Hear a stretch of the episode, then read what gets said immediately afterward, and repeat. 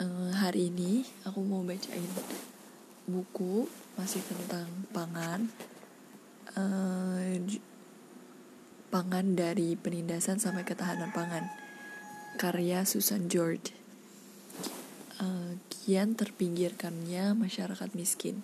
Ini salah satu babnya Lingkungan tropis jelas-jelas mempunyai sumber alam yang berguna bagi para penghuninya. Namun, bagi para petani dunia ketiga yang umumnya bermukim di daerah tropis itu, kekayaan alam yang sudah tidak lagi mampu menjamin kelestarian mereka karena sudah tidak dapat lagi mengolah sumber alamnya dengan cara-cara mereka sendiri.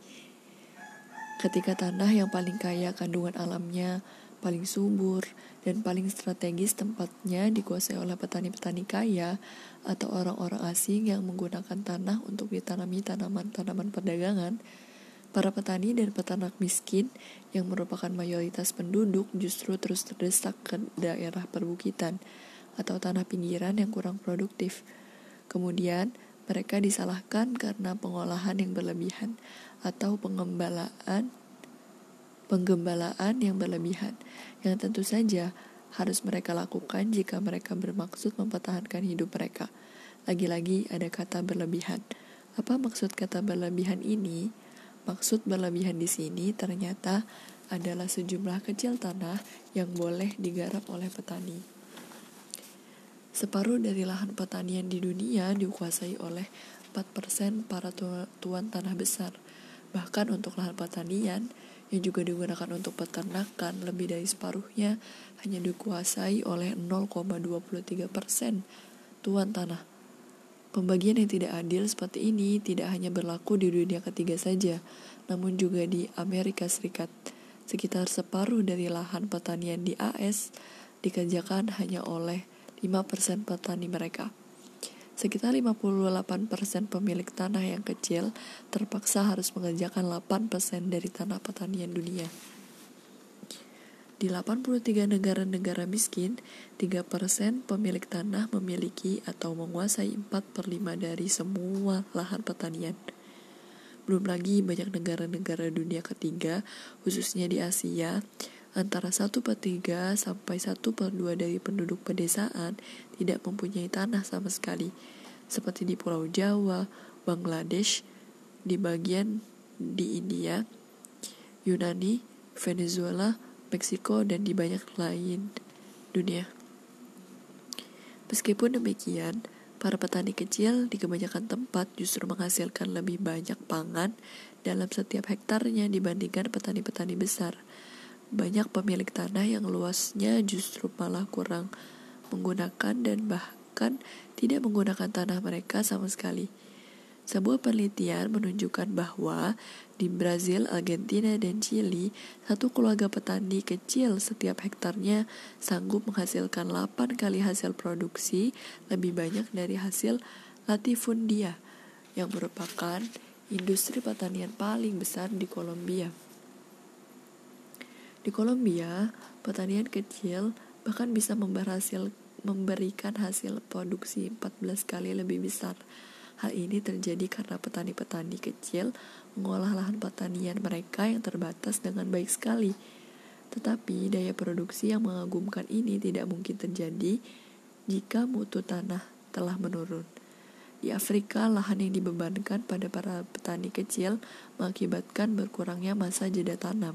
Biasanya lahan di Afrika diistirahatkan selama kurang lebih 10 tahun sebelum para petani menanam benih kembali Pengurangan masa jeda tanam ini berdampak pada berkurangnya hasil panen. Sebenarnya, jutaan penyewa lahan dan petani kecil yang bekerja dengan sistem bagi hasil di Afrika sanggup menghasilkan panen dalam jumlah yang besar. Lantas, kalau begitu mengapa mereka saja masih saja gagal dan miskin? Jawabannya adalah karena mereka harus membayar semua biaya peningkatan mutu dan asupan pupuk, irigasi, dan lain-lain. Tapi keuntungan justru lebih banyak dinikmati oleh para tuan tanah yang tidak mau berurusan dengan biaya-biaya itu. Kenyataan ini jelas dialami petani ketika sewa tanah ditentukan dengan sistem bagi hasil. Tetapi hal yang sama juga terjadi biarpun hak sewa sudah pasti. Di negara bagian Tamil Nadu, di India misalnya, Separuh dari tanah di sana dikerjakan berdasarkan sewa menyewa. Pemilik tanah mendapatkan sewa pasti, kira-kira 50-60% dari rata-rata hasil panen. Pembagian hasil yang proporsional tidak dilakukan, karena kebanyakan tuan tanah bukanlah penduduk daerah itu dan tidak mungkin mengawasi jumlah hasil panen.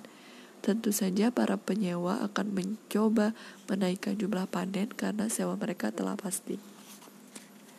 Tetapi dengan usaha petani penyewa tersebut tidak berarti mereka dapat memperoleh keuntungan lebih besar. Harga sewa tanah yang tinggi menghebat, menghambat penyewa untuk meningkatkan jumlah simpanan mereka. Mereka tidak punya uang tunai untuk membeli bahan-bahan asupan lah bagi lahannya. Sementara itu, Pinjaman yang mereka dapatkan dari kreditor resmi sangat sedikit jumlahnya, sehingga tidak cukup untuk menutup semua biaya. Hingga kemudian hanya tinggal satu pilihan bagi mereka, yakni meminjam kepada rentenir dengan bunga paling sedikit 6% per bulan. Modal yang dikeluarkan oleh petani penyewa lebih tinggi dari modal yang dikeluarkan oleh pemilik tanah. Akibatnya, hutang akibatnya bunga hutang yang harus dibayar akan menghabiskan seluruh hasil panen. Maka para petani penyewa kemudian memilih untuk menjual tenaganya secara tidak terikat daripada menanamkan modal untuk membeli bahan asupan atau untuk masa tanam selanjutnya. Dihitung berdasarkan hitungan ekonomi, keputusan mereka ambil memang tepat, tetapi secara keseluruhan produksi pangan jadi menderita. Selanjutnya ada bab hukum speech. Self provisioning intensity tends to zero. Self provisioning intensity tends to zero. Banyak orang yang menyalahkan iklim atau musim kering atau masalah pangan dunia ketiga. Memang tidak perlu diragukan bahwa perubahan cuaca yang tidak pasti dan drastis telah merugikan para petani tetapi, penderitaan yang dialami para petani itu bukan melulu karena perubahan cuaca. Beberapa petani bahkan dapat mengambil keuntungan dari cuaca yang buruk tersebut. Untuk memahami bagaimana hal ini bisa terjadi, kita dapat menggunakan hukum Spitz.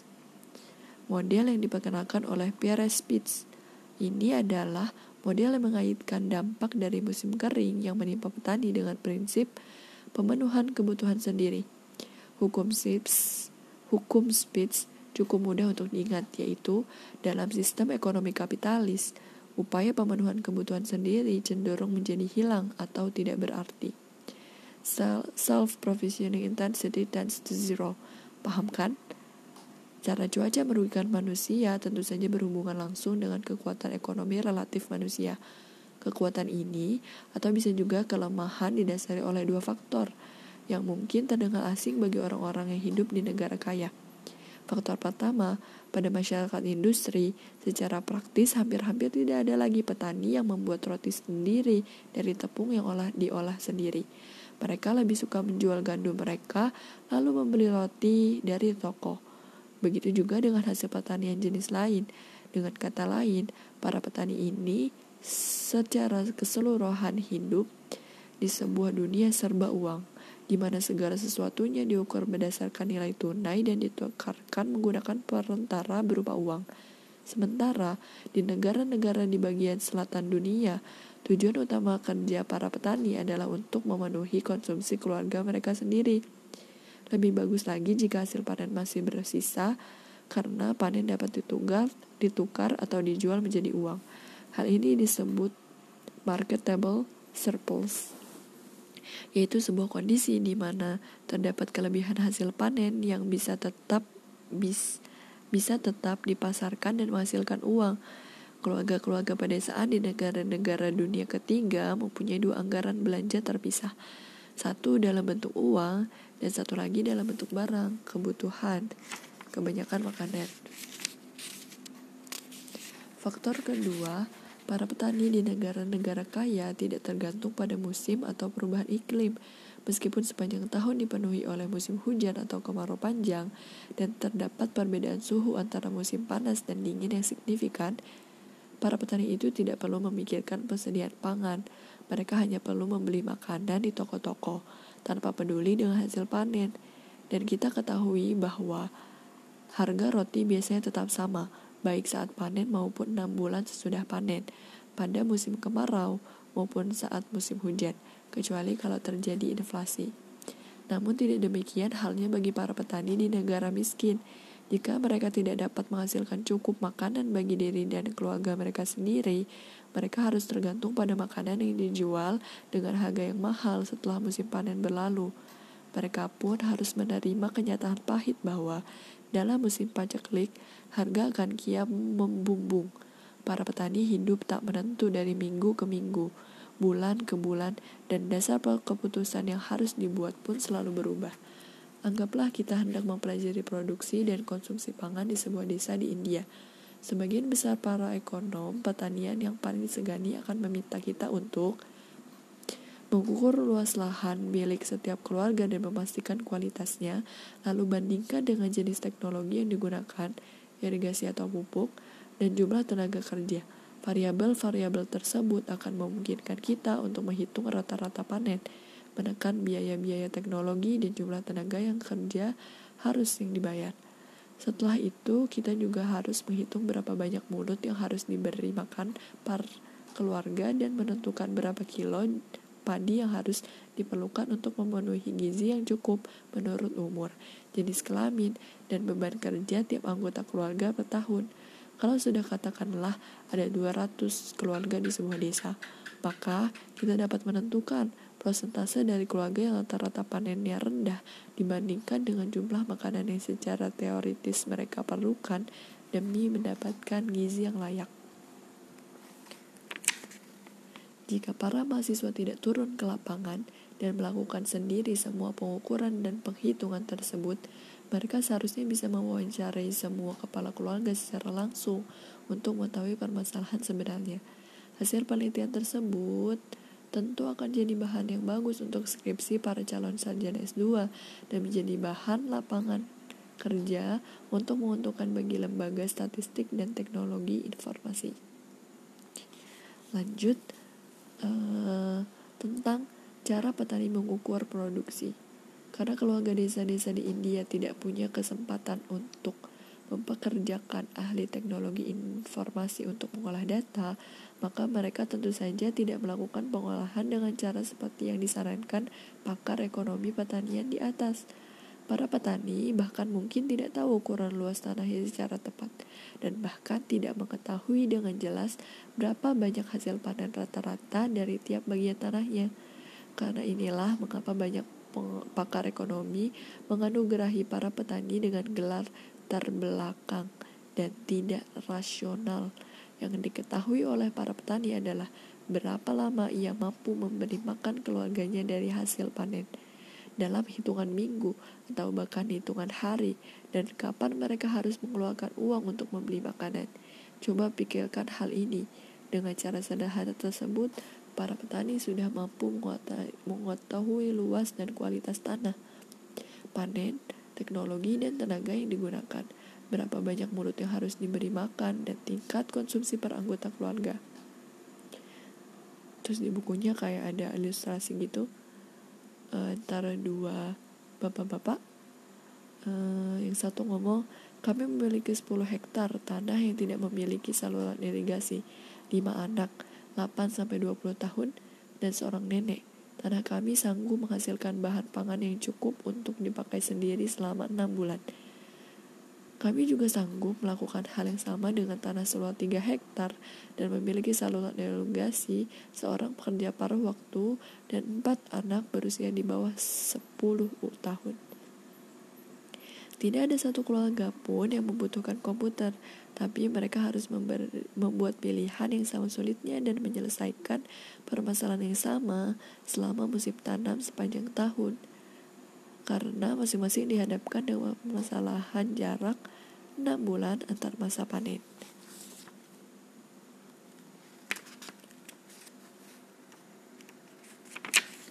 Hikayat tujuh keluarga dalam model Spitz. Sekarang, mari kita melihat dan menarik pelajaran dari cerita tentang keluarga-keluarga dari lapisan masyarakat dan ekonomi yang berbeda dalam menghadapi perubahan muslim, musim. Mulai dari musim tanam yang baik sama musim paceklik yang menyiksa. Cerita dimulai pada tahun pertama yang memiliki musim baik, sehingga hasil panen juga baik. Pada tahun kedua, musim kurang baik dan panen turun sepertiga dari hasil panen tahun pertama. Sedangkan pada tahun ketiga kita akan melihat akibat-akibat dari tahun kedua yang buruk. Kita akan menggunakan contoh cerita yang sederhana.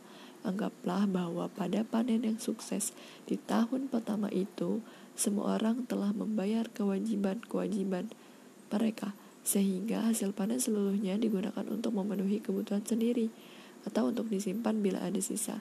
Dan anggapan bahwa panen hanya terjadi sekali dalam setahun, lalu kita juga menganggap bahwa para petani tidak memiliki persediaan sama sekali sebelum panen tahun pertama yang sukses ini, Walaupun tentu saja semua keluarga mengkonsumsi hasil panen tahun pertama mereka dan konsumsi hasil panen tahun pertama mereka dan pada saat yang bersamaan tetap memproduksi untuk dipanen kelak yang akan menjadi persediaan di akhir tahun kedua. Dalam cerita ini pun, semua keluarga dianggap memiliki tanah agar lebih mudah menghitung. Sebab, bila kita menghitung penghasilan petani yang tidak memiliki tanah, maka hitungannya sudah jelas akan berbeda dan sudah jelas kian buruk lagi.